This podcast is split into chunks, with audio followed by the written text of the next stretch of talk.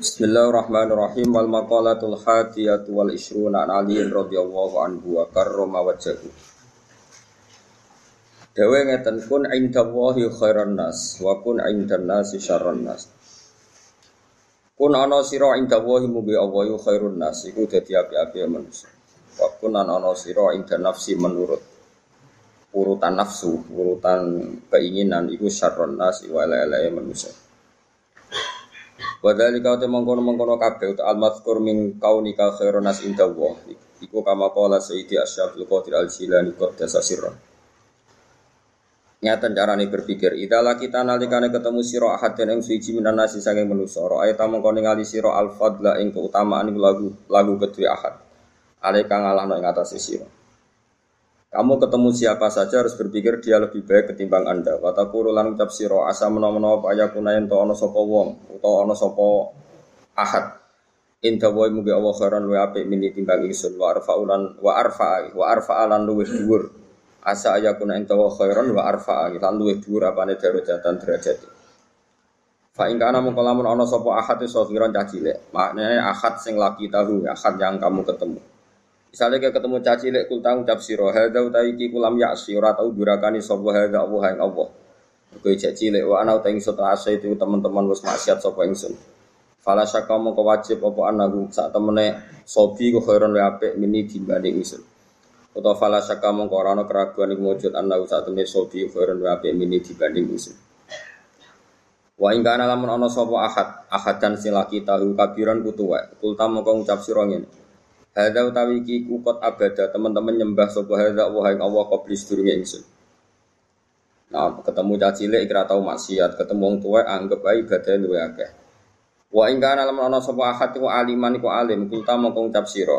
Hadza utawi iki kok den paringi sapa hadza. Ma ing perkara lam ablu kang ora tumeka ingsun. Wa nalalan merkule sapa hadza ma ing perkara lam anal kang ora merkule sapa ingsun. Wa alimalan ngerti sapa hadza ma ing perkara jahil tu kang kudu sapa ingsun. Wa wa te hada ya amalu nglakoni sapa hada ilmi iklan ilmine hada wa ing kana lam ana sapa ahad iku jahilan sing bodho kulta moko ngucap sira ngene.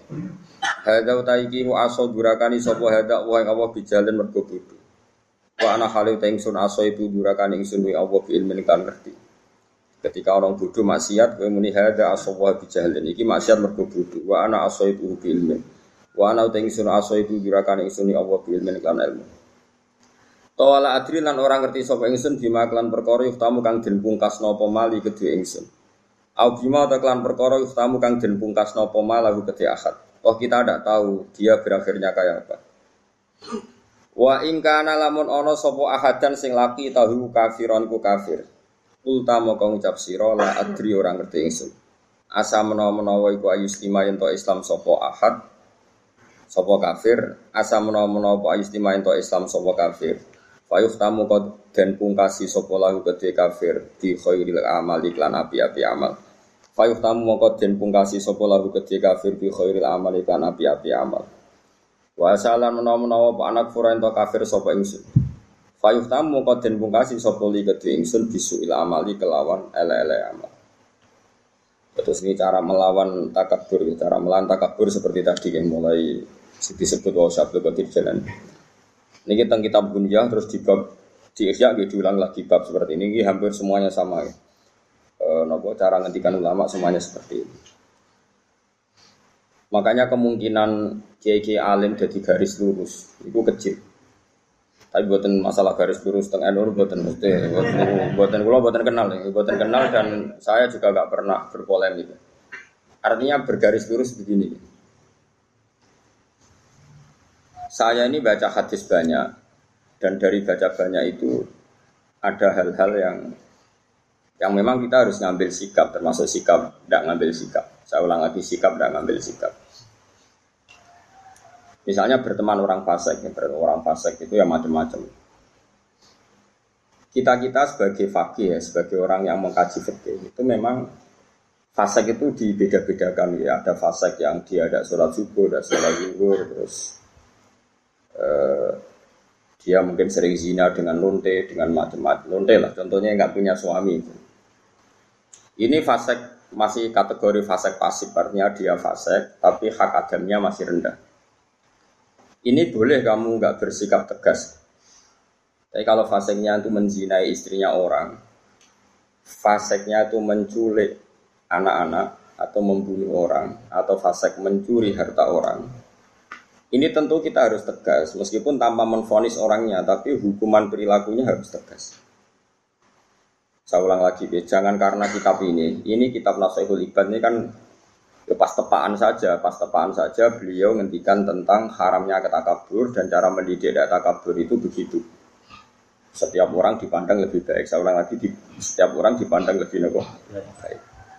Tapi masalah kita secara fikih adalah bahwa orang itu punya kewajiban. Di antara kewajiban itu nahi mungkar. Dalam tema-tema seperti ini mungkin orang-orang yang garis lurus, orang-orang yang mungkin di ormas-ormas keras lebih baik. Caranya gimana? Tadi kita milah-milah sesuatu yang efeknya itu mutaadiyah, sesuatunya itu efeknya ke mana-mana. Misalnya begini, ini rumah tenan, awas nak salah rokok. Begini misalnya, Rasulullah itu pernah ngetikan gini, dosa paling besar itu apa? Nabi pertama jawab al isyrok billah, syirik. Dua, kotlun nafsi, membunuh. Tiga, antuzaniyat bihalilati jari, menzinai istri tetangga kamu atau umumnya istrinya orang lain. Sehingga dalam Islam tidak ada orang membunuh orang lain terus kemudian ditakwil. Jangan-jangan punya motif yang positif, tidak bisa ini kriminal. Loh. Makanya jangan sembarangan kamu bilang misalnya kita harus berbaik-baik orang fasik, bisa saja nanti husnul khotimah. Fasik yang mana? Urusan husnul khotimah itu urusan Tuhan. Tapi kalau fasiknya ini dengan cara yang muta'adiyah, yang efeknya itu merugikan orang lain.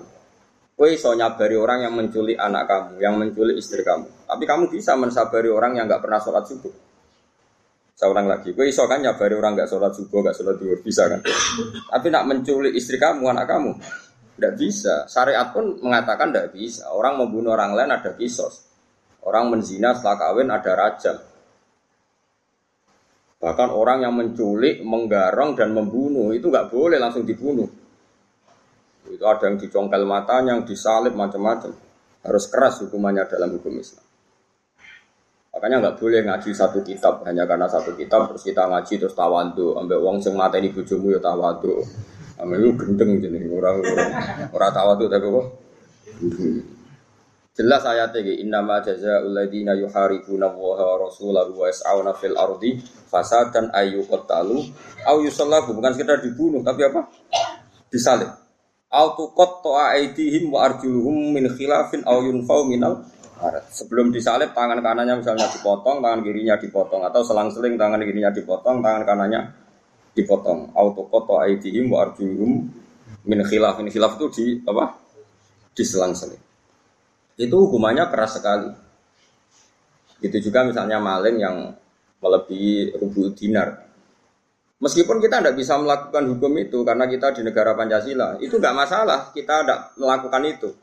Tapi kita tahu kadar emosinya Allah kadar dukanya Allah kadar dukanya Allah dan Rasul.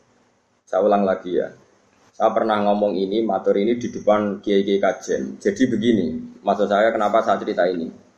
Kemarin saya juga pas hari apa ini.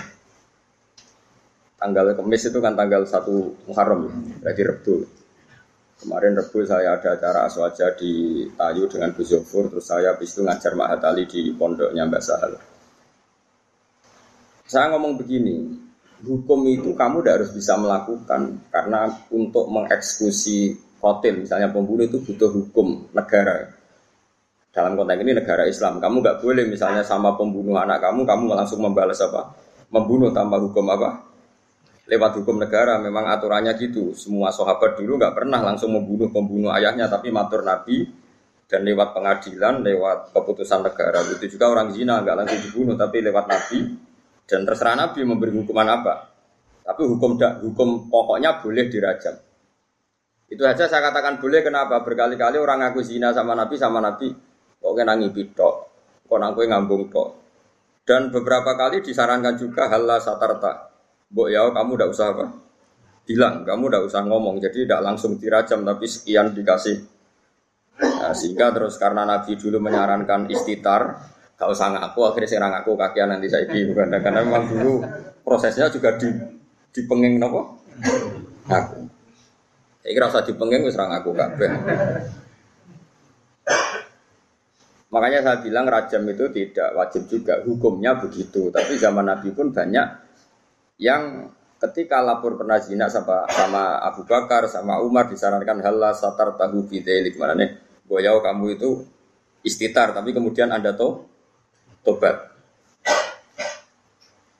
Ini penting ya, saya ulang lagi ini penting sekali, karena kalau kamu berdalih negara Indonesia itu tohut, tidak ada rajam, tidak ada kot usariko, tidak ada macam-macam.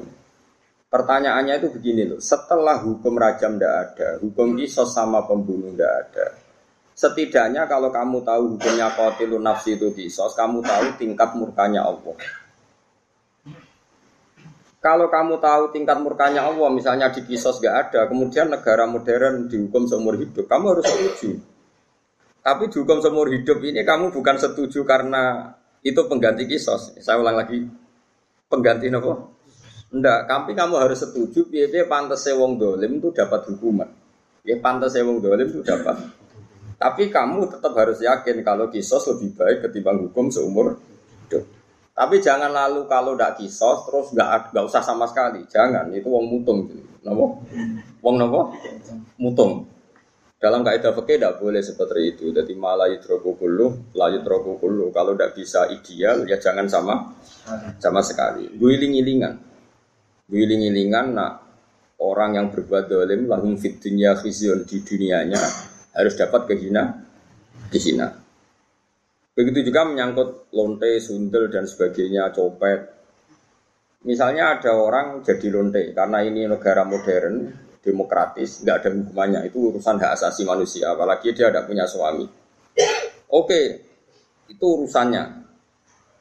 Tapi kemudian delalah tonggo-tonggo ini nyebut lompe, sundel, WTS, terus maling, copet, germo, wah sing elek-elek lah.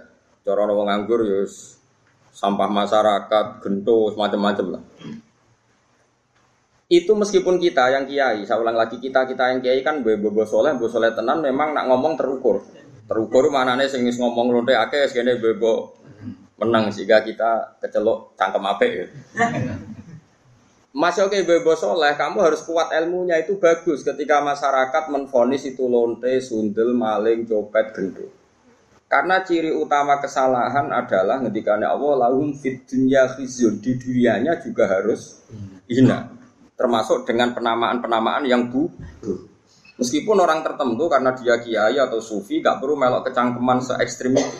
Tapi biarkan kalau Allah bikin hukum seperti itu karena ciri utama kesalahan adalah lahum fid dunya Kalau salah itu dimaki maki-maki.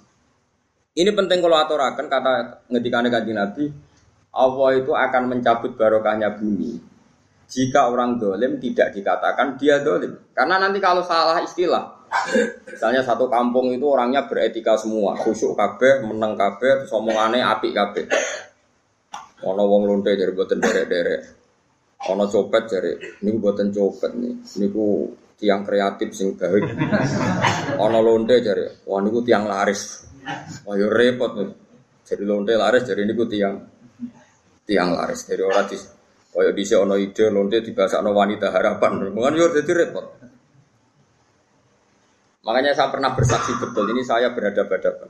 Ada orang yang ait karena frisek ya, bukan ait karena kecelakaan bekasnya jarum atau bekasnya gigitan atau apa pokoknya karena karena benar-benar uh, frisek ya sek bebas ngawur. Uh, ada dokter itu konsultasi sama ulama.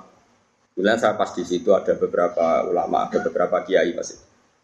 Di dokter tadi orangnya sangat sangat nasionalis ya dia ada kepati mikir loh pentingnya agama.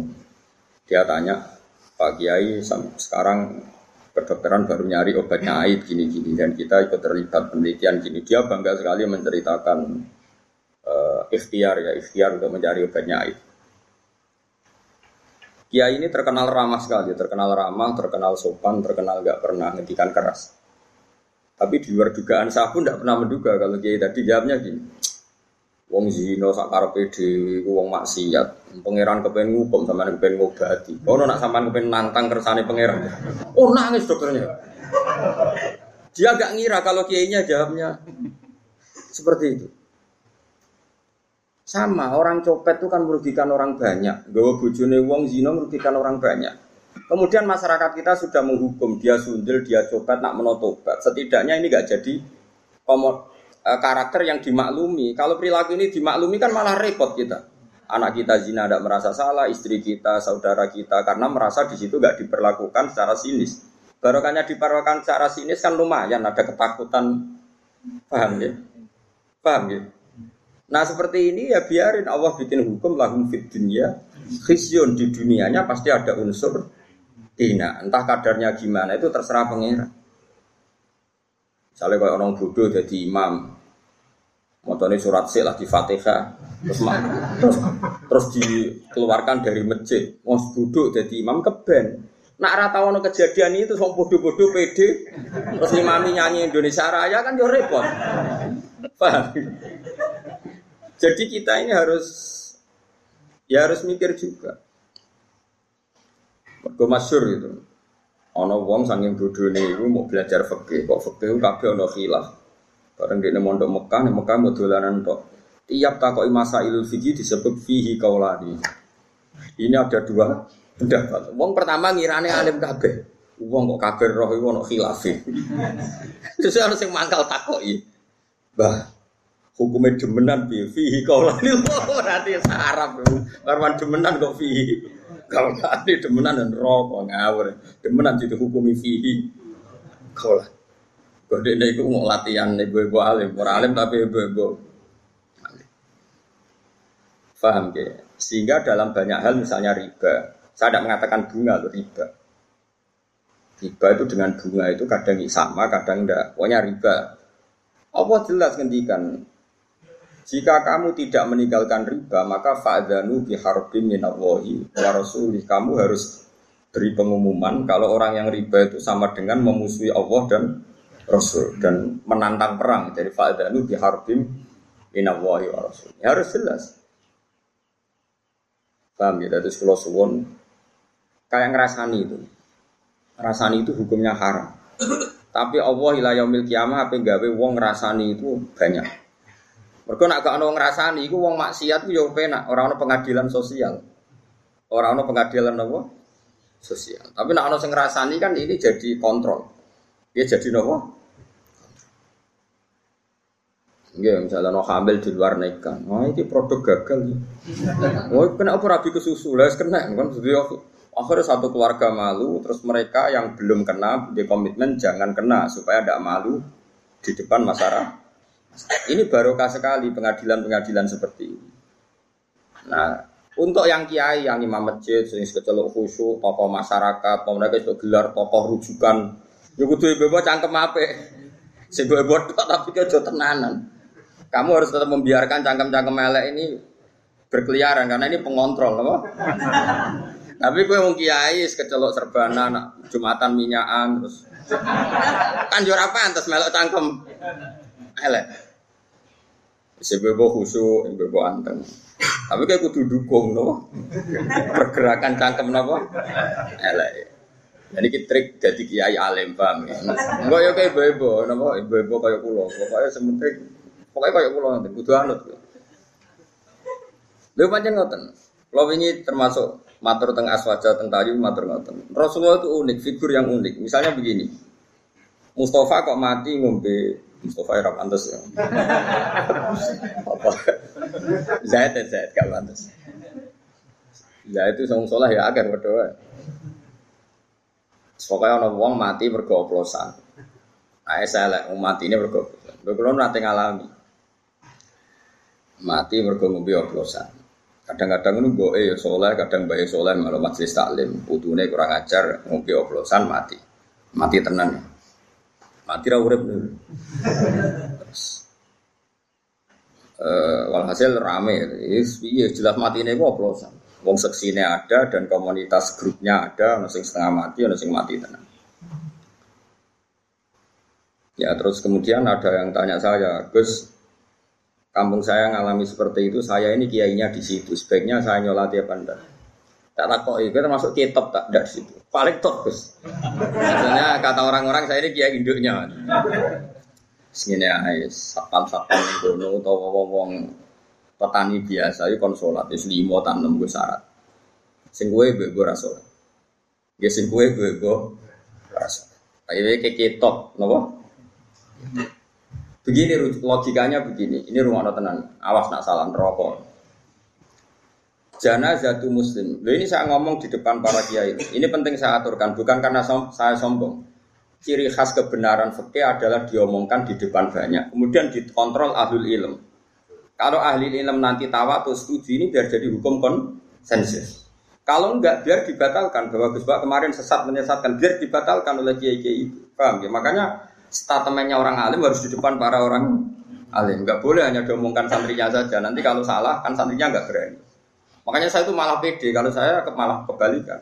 Saya itu kalau matur di depan kiai kajian, misalnya ada acara murudan, kiai kajian rawuh semua, saya malah pede. Pikiran saya anak salah, harus saya kontrol. Aku rapi dia malah mulang di sini. Mergo salah ora konangan, bener ya. Orang untuk penghargaan, jadi ya enggak. Jadi ya biasa ya. ya. tapi kan ibadah ya, mulangin ibadah. Begini logikanya. Ini kalau matur bolak-balik. Saya ngaji di mana-mana matur ini. Komunitas gendo atau orang fasik atau pemabuk itu kalau kita tidak datang, kita maknanya orang soleh atau orang yang sedang soleh pokoknya apel. Mereka kan nanti takutnya punya kefiah baru. Tak koncone minum mati nggak digolekno whisky ya, di dhisik tuku kelarem tuku Petrus, apa Petrus saiki kenangan ke mati tak ubeni whisky. Engko pas mati agak digeludungno. Dengan orang-orang soleh tetap datang, setidaknya kefiah Islamiyah ini terjaga. Ya didusi, dikafani, disolat. Si piye-piye ini janazah itu muslim, janazahnya orang Islam. Ini saya ngomong di depan para kiai, sehingga tradisi Islam terjaga. Terus gue gelol lah sampai mayit. Tapi piye-piye kita itu khawatir ada tradisi tandingan, yaitu kalau kita tidak datang, kemudian dikelola ala orang fasik, dikopi sampai arak atau dirundung Begini cekinan, remi, repot. Wes cara kula, wes sak tahlil bid'ah lah, kan gremeng tahlil lah. Anggap ae ini penolak ceki, wes.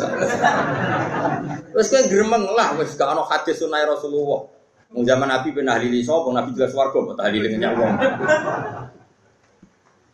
Kalau jadi zaman ini kurang ono ngundang sopo. Tapi kira rasa yakin nak tahlil itu ono tuntunan, kayak gak hati sokai gawe gawe tahlil kok ono hati se sokai. Is biasa ono yang bertelakon. Awal takut itu yang Gus anda ini orang alim. Sinta kok nggak untuk untuk sunnah rasul. Kenapa datang di acara tahlil padahal tidak ada hadisnya. Podo tangkem melek kau gue rano hadisnya. Podo rano hadisnya geger. Gak ada nabi ngajari tangkem elek. Berarti sama-sama. Sama-sama ra jelas sampeyan. Sawanin Rosno. Nah ini saya ulang lagi ini rumah tenang ya. Orang yang jelas mati oplosan, pernah juga ada yang tanya orang yang mati bunuh diri. Itu saya pernah ya ada sekitar apa 22 kilonan dari kampung saya itu di kampung di atas gunung. Ada orang jadi rontok soleh, wong ya soleh terkenal soleh ya. Justru karena soleh terlalu soleh kuper, tapi soleh kuper. Bujone ayu digawa wong itu mati malah bunuh diri. Iya, kehilangan bujo, kehilangan awake. Nah, itu kiai temannya itu tanya ya kasusnya itu itu nggak ada yang berani nyolati karena mati bunuh diri itu kan hukumannya berat. Ya kayak mati oplosan, mati bunuh diri, mati firor anisafi, lari dari perang, atau mati pas di tempat maksiat, tempat mesum macam-macam ini caranya gini, cara berpikir kita. Kalau kita tidak datang, kita ini siapa saja, ada harus orang banyak. Nanti mereka melahirkan kefiah baru. Ya saya ulang lagi, melahirkan itu satu. Dan ini tidak baik bagi Islam karena nanti setelah ada kefiah baru, kita ini malah kesulitan menghilangkan. Paham ya? Kesulitan enggak? Karena nanti kalau ada orang fasik mati, sing masjid menunggu. Grupnya mereka sudah bikin kefiah belum? Ternyata mereka datang lebih awal terus dikefiahkan ala mereka nggak ada sholat, nggak ada kafan, terus langsung di kita kerepotan kan. Mendingan kita datang. Dan alhamdulillah tadi saya kan tadi saya contohkan rata-rata mbahnya itu ya orang soleh atau keluarganya atau RT-nya. Sehingga karena mereka soleh ini kayak sepakat masih fase kelas diperlakukan sebagai jenazah itu muslim. Wong kadang baik nangis-nangis ning kiai putu kula Gus, putu kula yai jenengan dongakno di sepuro nyen kelakuane pun ngoten macam-macam. Nah, dalam tradisi Rasulullah dulu ketika Abdul bin Ubay mati karena anaknya santri, nyatanya Rasulullah datang karena menghormati keluarga. Ada roh nak kelakuannya Abdul bin Ubay itu kayak seperti itu. Anggap saja kamu menghormati keluarga. Dua menghormati kefiah Islamnya, yaitu kefiah Islam yang tadi. Karena kalau ada kefiah baru kamu yang repot. Lu kalau nanti ngelakoni lu ini nyata. Di kampung sebelah saya itu terkenal wongnya itu tukang nanggap dangdut. Dangdut sembrotor-brotor macam-macam. Nah itu orangnya itu kultus sama saya. Tapi ya kultusnya wong kan. Gus, sesuk anak kula nikah. Jiran sing akad no. Yo jam jam 09.00. Mungkin ngapun tenan jam 2 wonten dangdutan. Lah terus piye? Jenengan teko sing akad mari yo yo. Ya tenang ya. Oh itu termasuk sisi kontroversi saya karena orang-orang itu. Iya Gus Mas, karena wongnya maksiat jangan kok gelem. Makanya saya ini diuntungkan terkenal ngalim. Mau kan sungkan mau gerbang tok rawani jadi penting terkenal ngalim penting. Paling gak mau nyoal itu apa gerbang Karena pikiran kita sederhana. Kalau kefiatun nekah orang alim tidak mau datang, lalu mereka kalau bikin kefiah baru juga kita kesulit, kesulit. Setidaknya dengan mereka masih butuh orang alim, ada kefiah sing mujma alaih yaitu cara mati ne mayit. Oplosan lah ya didusi di kafani di pendem saya sebut satu-satu ya didusi di kafani di pendem kevia kah ya dinekah ini atau wakile dengan dua saksi? Wes. Sekarang kalau kita tidak datang lalu mereka bikin kevia makanya saya anggap kita datang ini fardu kifayah. Datang saja tapi jangan kitopnya Nanti kalau kitopnya datang semua, punya pikiran begini semua, lalu bedanya yang yang sholah be fasik. Semua mati oplosan sing teko yo wakeh, sing imami misalnya PBNU, BPP Muhammadiyah. Engkau sing mati wong soleh karena tokoh sing teko yo. Terus famal farku bena, napa bena, kan ya lucu. Makanya ini unik uniknya Rasulullah ada seorang fasik karena punya utang gak nyaur. Nabi datang. Nabi tanya, apakah mayat ini punya utang? Ya ya Rasulullah. Nabi langsung balik kan, nggak mau nyolati. Saya tidak mau nyolati orang yang punya utang. Lalu kayak bejo orang menangi Nabi. Waduh orang batal Nabi nyolati umat sama nakir. Karena kabeh duwe utang. BPKB ini tonggo bisa. Nggak utang cek ngaku BPKB ini tonggo. Iya gitu. Oh, itu mau orang dinar, orang dinar saat dinar mau 4,2 gram. Tahu tak itu sekitar satu juta enam ratus. Itu nanti pun purun, buatan purun. Saya kira kira utangnya utang berapa? Ono patang juta. Niki nanti kalau tanglet utangnya patang juta. Serah gelem nanti. Pulau mau di atas 10 juta, tapi orang langkai orang pulau. Tapi kan aset pulau satu juta, mesti sidik. Itu patang juta aset tuh. Ini wes nabi gak kerso. Itu masyur, nabi itu gak mau nyolati. Tapi sebelum nabi tidak mau nyolati, nabi ngendikan gini, itu masyur di hati-hati. Sallu ala sohibikum. Aku ranyolatillah, tapi kue-kue itu tetap. Ya.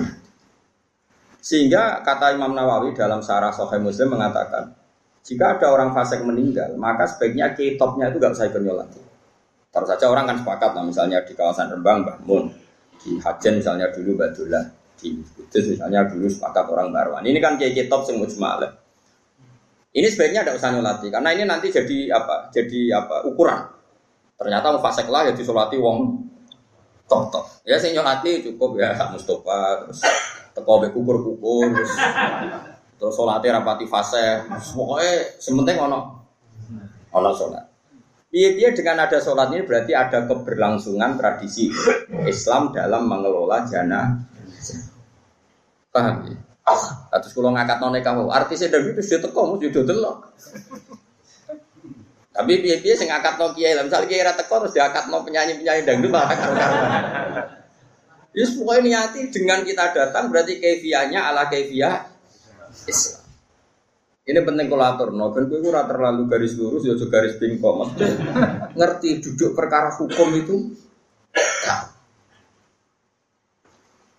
ya. jadi ini penting akan penting sekali ya. Jadi itu kefiah yang dilakukan para ulama dulu.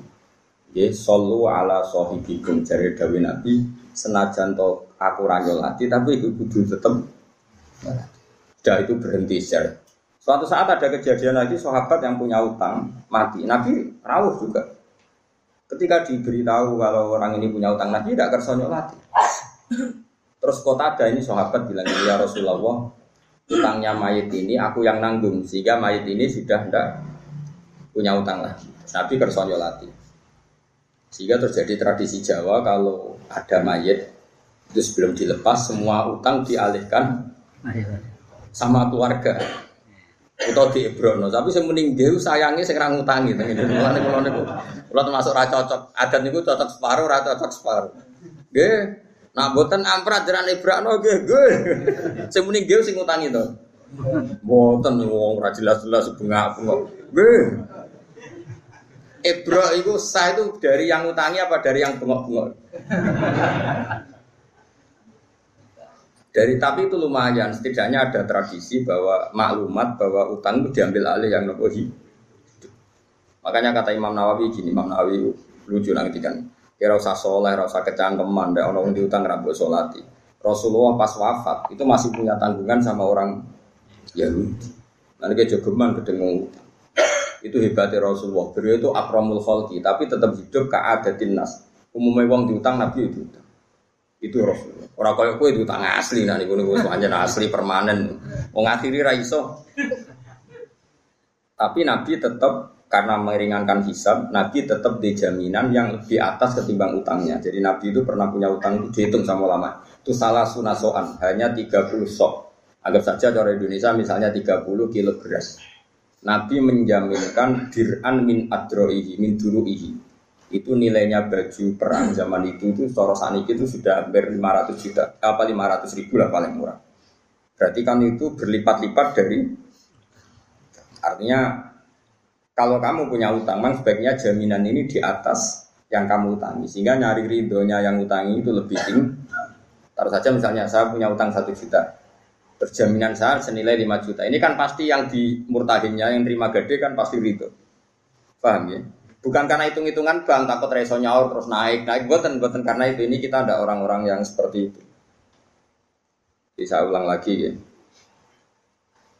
Konsensusnya ulama dulu mulai zaman Rasulullah sampai sekarang itu kiai-kiai biasa nyolati tanggane yang terkenal fasek, terkenal gendo, terkenal maling. Tapi sebaiknya sebaiknya kalau mungkin kiai topnya ini tidak usah nopo datang. Tapi nak di kampung-kampung rata-rata datang semua. Gara-gara kan tidak sem semua orang kan takut merasa cetok. Sampai gejol-gejol kan. Tapi mau rata kok. Aku lu Gus. Engko nang rasa ketok ya, gue. Perkara kesunatannya sing top itu lah. Orang oleh teko, berarti kira teko ngerasa top. Akhirnya udah teko mereka wedi dianggap top. Terus ketiga itu begini, Wah, nanti dibantah tiang. Kan kalau di kalangan kia ada pasul masa juga, tapi pun buatan buatan di panitia ini NU atau Muhammadiyah buatan biasa silaturahim, buatan buatan enten panitia ini. Jadi buatan enten sponsor ya, udah biasa ketemu ngomong. Begini problemnya saya itu alasan saya begini. Sekarang orang mati, kemudian Mustafa ini nyolati. Dia mau wangkel perkara ini wong iki nak jisik nak waya ono jamaah tipe dibiyan terno dan kita. Wong fase kan mangkel lagi kalau nanti dibantah kok. Gus wong iku kurang ajar. Nak ono Jumatan tau sumeti merken. Terus dia cerita, masjid kula nanti protol gara-gara iku. Kok jenenge ngengken kula nyolati. Keberatan Gus. Kok dia cerita elek nak ono jamaah di setelo dangdut. Pokoke jeneng mau fase ning nak mangkel loh. Lawang soleh itu rata-rata kan mati-matian mempertahankan ketenangan masjid tuh. Kadang ya ketenangan rano jamaah nih. Terus tak mau gini gue kiai Mereka kalau sama saya kan akrab ya, karena rata-rata kalau gak murid saya, muridnya bapak saya. Kalau gak muridnya bapak saya, muridnya bapak saya. Jika banyak kiai sepuh di kawasan saya, sama saya hormat. Ada yang gak muridnya bapak, gak muridnya mbak, muridnya buyut, muridnya Badru Rahman. Jadi tetap hormat. Mulane nyai latihan ke Mustafa kesel, perkara uang itu ora hormat sih, jadi kesel. Nah, itu takut ngoten. Jawaban saya begini, Bah, jenengan nak mau solawat, nak wong mati kan solatnya dia mesti eling ya. Takbir ula, takbir takbiratul ula ya atau takbiratul ihram kan. Takbir ula Fatihah, Sania iku maca selawat. Terus ketiga ini untuk masalah. Dongakno mayit takbir keempat salam. Sebenarnya setelah takbir keempat itu langsung salam, tapi ada di Indonesia mpoh ujuk suwi salam salam. Kalau nyolati jenazah teng Mekah, itu angger takbir keempat ya langsung iya gini misalnya. Kalau nanti makmum Said Ahmad angger takbir keempat ya langsung ini Indonesia bertakbir keempat cek suwi. Cek suwi tuh. Yang magelang cek suwi. Malah sing suwi ya.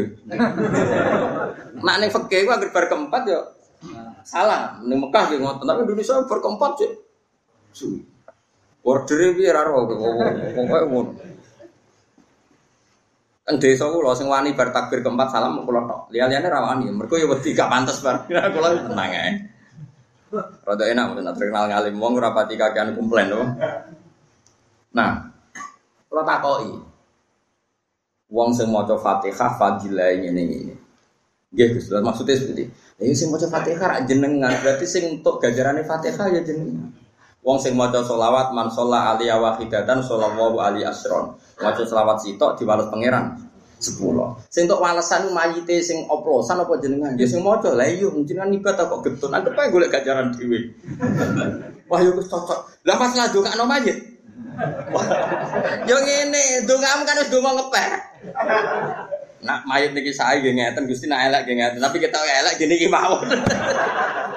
Wong donga ing kanan donga ngeper. Kalau apa? Kalau kan kalau.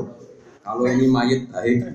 Kalau ini mayit Malah penak to kira usah ngukumi pun iki. Wa mayamut walam yatub min dzabihi ya fa amruhu mufawadun li rabbi. Wong mati orang tobat niku urusane jeneng jeneng.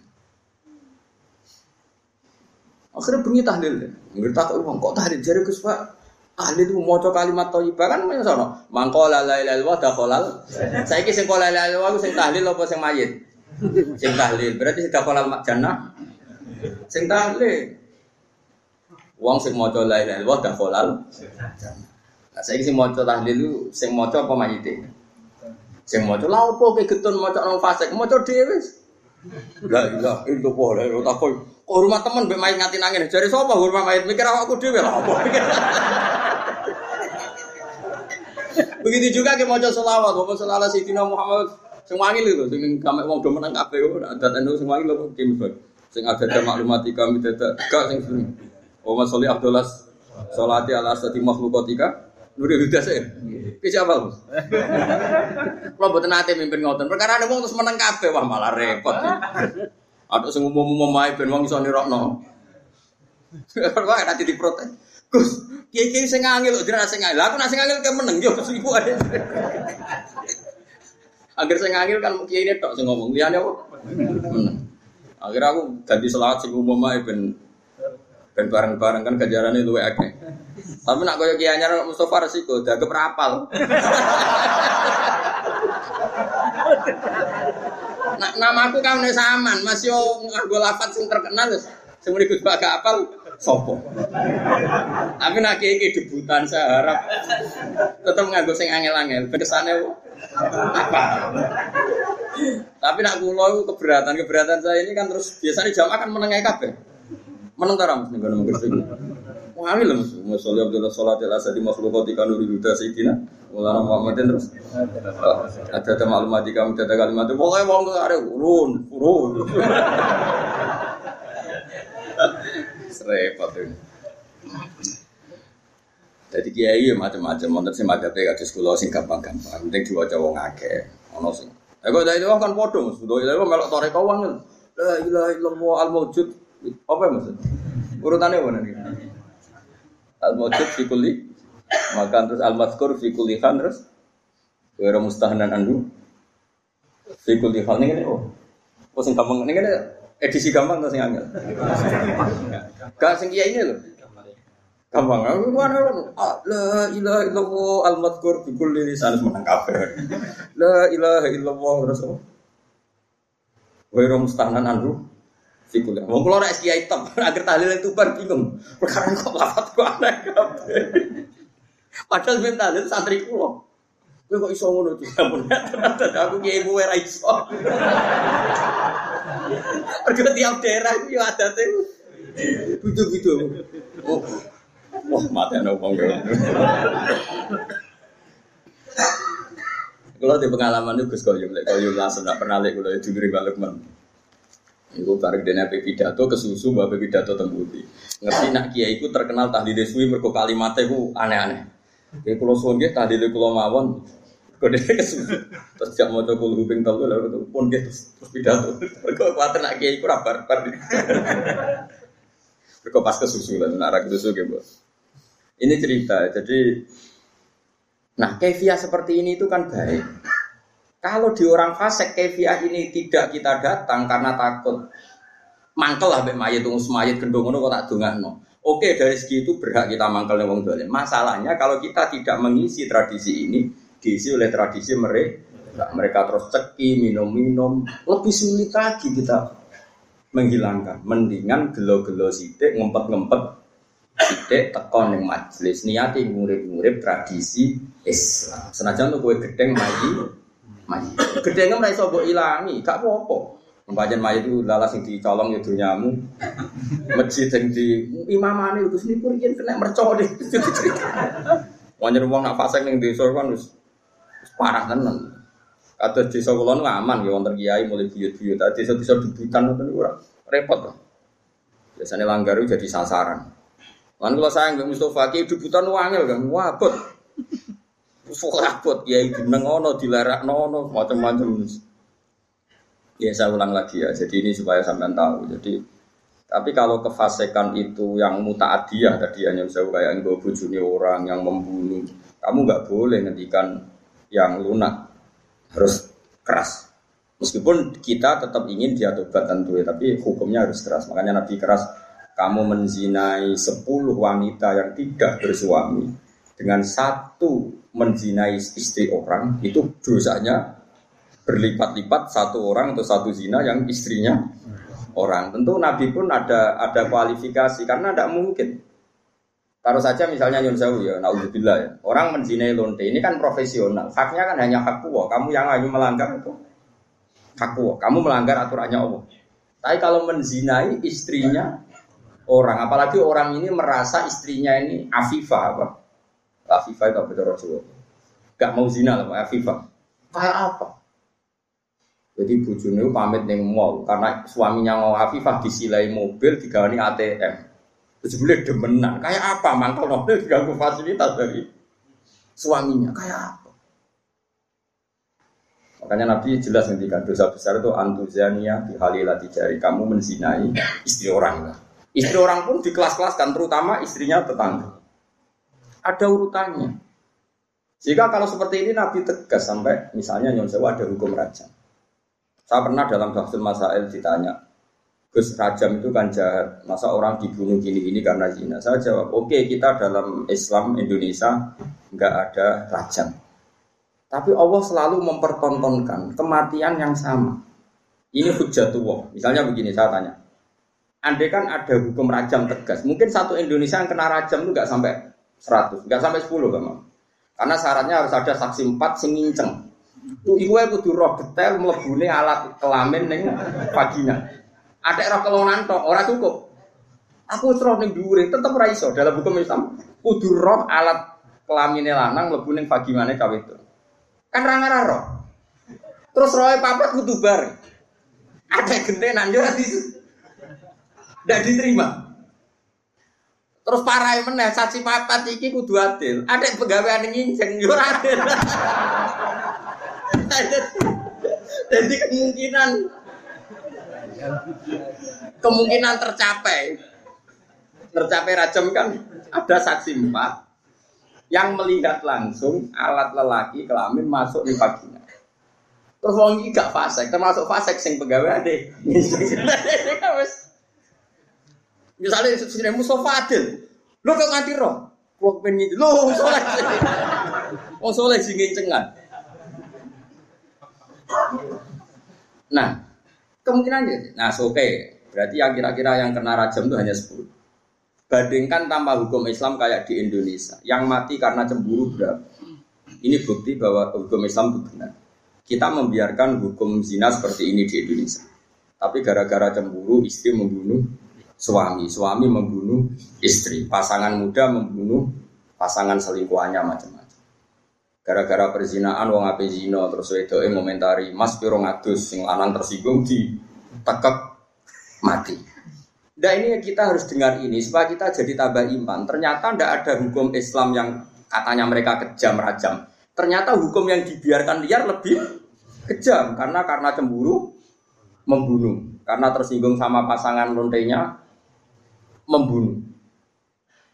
Kan natijahnya sama, sama-sama menghilangkan nyawa. Maksud saya yang ngaji saya tak kasih tahu. Oke kita tidak pakai hukum rojam, tapi anda harus tetap tahu di luar hukum rojam toh lebih ya.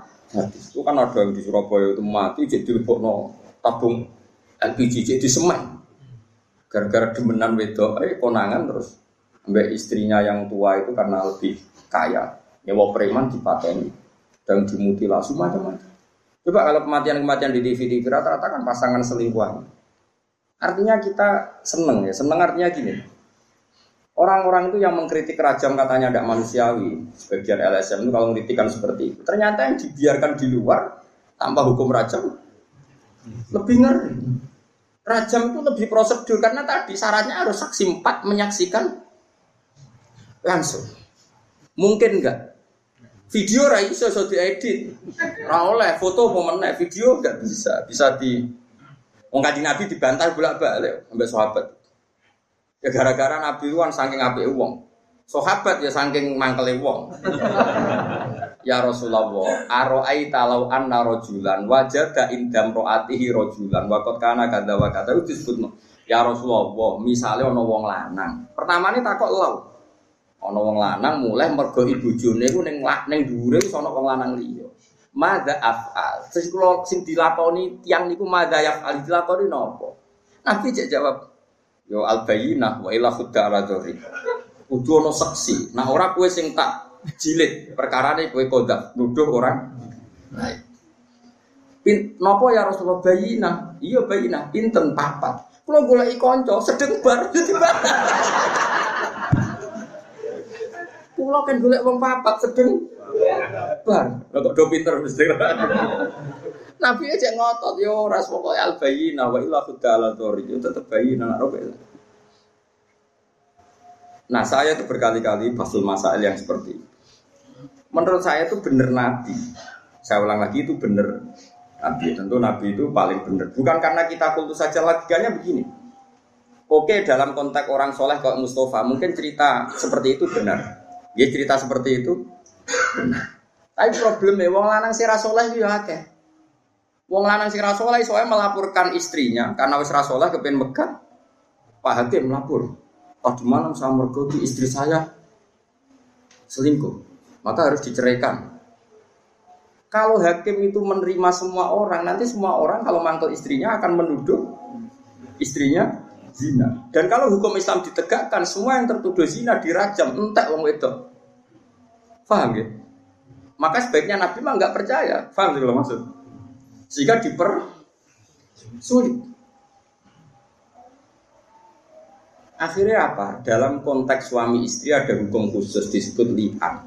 Disebut nomor li'an. Li'an itu istrinya didatangkan di masjid zaman dulu kan tidak ada kantor pengadilan. Suaminya didatangkan di masjid. Sama-sama bersaksi tabriah. Tabriah begini. Disuruh sumpah empat kali, yang kelima itu sumpah, cara saat ini sumpah sambar berdek. Sumpah pocong cara Madura. Kalau saya bohong dalam menuduh istri saya, saya siap kena berdek atau kena laknatnya Allah. Terus istrinya di depan Rasulullah sumpah empat kali. Yang kelima saya siap mendapat adab Allah jika saya bohong. Baru terus dilepas. Furriko benaguma alal abad. Keduanya diceraikan alal abad abadi sama-sama gak boleh apa nikah lagi terus diceraikan secara syar'an. Yang kok ngenteni perkembangannya pangeran, pokoknya sama-sama nantang sing gorong nggak berbeda. Utara cara saya di pelintes tronton. Kalau di daerah saya gitu kan anak pantura, ada tukaran gitu. Aku ada nganti melok wong iku, tabrak truk. Terus yang musuhnya, oh truk tok, menit tronton.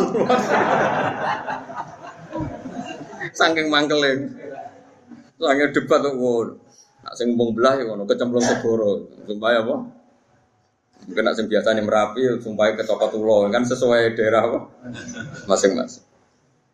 Ini penting kalau aturakan ya. Jadi saya mohon sekali jadi untuk hal-hal yang menjadi hukumannya Allah kamu harus angkat sangat. Iya Allah menunjukkan wong-wong maksiat itu lahum fit dunia. Di dunia itu pantas sih, itu untuk ono inani. Mengenai dalam Indonesia udah copet yo, copet. Orang kok ini jenius. Berkali-kali aksi kok gak konangan. Berarti sing dicopet itu bodoh, sing nyopet. Wah yo repot langsung sesuai nak gak ono bahasa hukum nanti begitu. Kalau warani itu orang yang menarik. Sampai banyak orang tertarik. Berarti hebat. Yo repot. Mana kalau seneng Indonesia niku anggap apa? Artinya apa itu? Apa ya? Bahasa Indonesia meskipun Yun Sewu yang melafatkan tokoh-tokoh nasional pun atau TV-TV nasional bahasanya tetap ada razia Satpol PP pada penyakit apa? apa? Penyakit masyarakat. Bahasanya masih seperti itu, penyakit masyarakat terus. Ya pokoknya sampah masyarakat masih bagus. Tapi kan nanti kalau bahasanya dirubah hanya karena nuruti Yun Sewu kemanusiaan, Satpol PP memburu orang yang belum dapat pekerjaan. Yang sementara, wah malah kangelan repot. Pulau wis bener Bapak. Sampah masyarakat, penyakit. Ini bukti bahwa Allah itu kuasa. Jadi Allah itu gak ada sunnah. Barang maksiat itu delala secara nasional maupun internasional itu dibahasakan secara keras. Masuk neng Amerika ada rani lonte gitu. Aku sering bilang film-film barat. Kalau sering delok yang gue konsensus mawon. Ternyata gambarannya di barat kalau ada istri sah kok suaminya selingkuh ya sing dimarahi ya selingkuhan orang kok selingkuhan marahi istri resminya masih orang barat masih orang negara komunis itu PKI lah neng Cina sing nyolong mbek sing dicolong sing melayu sing sing nyolong lho kok ije islami kok roh nak sing nyolong ora kok sama rata sama rasa terus paham ya Mulane bener zaman Kisah almarhum Nah, kode kulon. Wong dari gue gue PKI gue rawon. Aslinya yang hati ini ya duit tahu. PKI mau gaya gaya nando. Maksudnya gaya gaya nando. Fitrah manusia itu hanya menolak faham anti Tuhan. Saya ulang lagi. Fitrah manusia itu bukan gak ada PKI, enggak, bukan PKI yang organisasi. Fitrah manusia itu hanya menolak faham. Buktinya itu tadi orang yang selingkuh ya delik. Sampai PKI lah, nah selingkuh delik tuh. Nah nyolong delik tuh. Lu rawat di pangeran, rawat dihukum kok. Delik.